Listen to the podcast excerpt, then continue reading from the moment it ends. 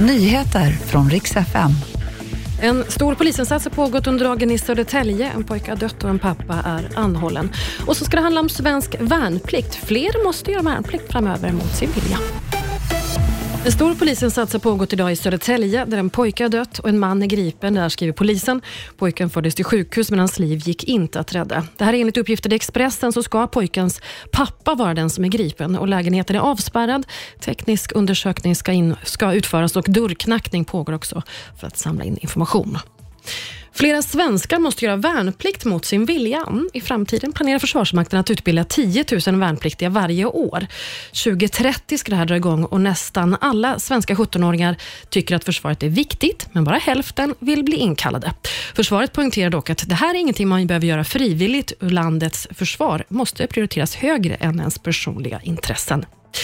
Ingen öl utan bönder. Ja, så står det på banderollerna när tyska bönder idag går ut i stor protest. Och Det är stora konvojer som blockerar påfarterna till tyska motorvägar. handlar om bränslesubventioner. Regeringen har backat lite från sitt sparpaket, men tyska bondeförbundet vill att det slopas helt.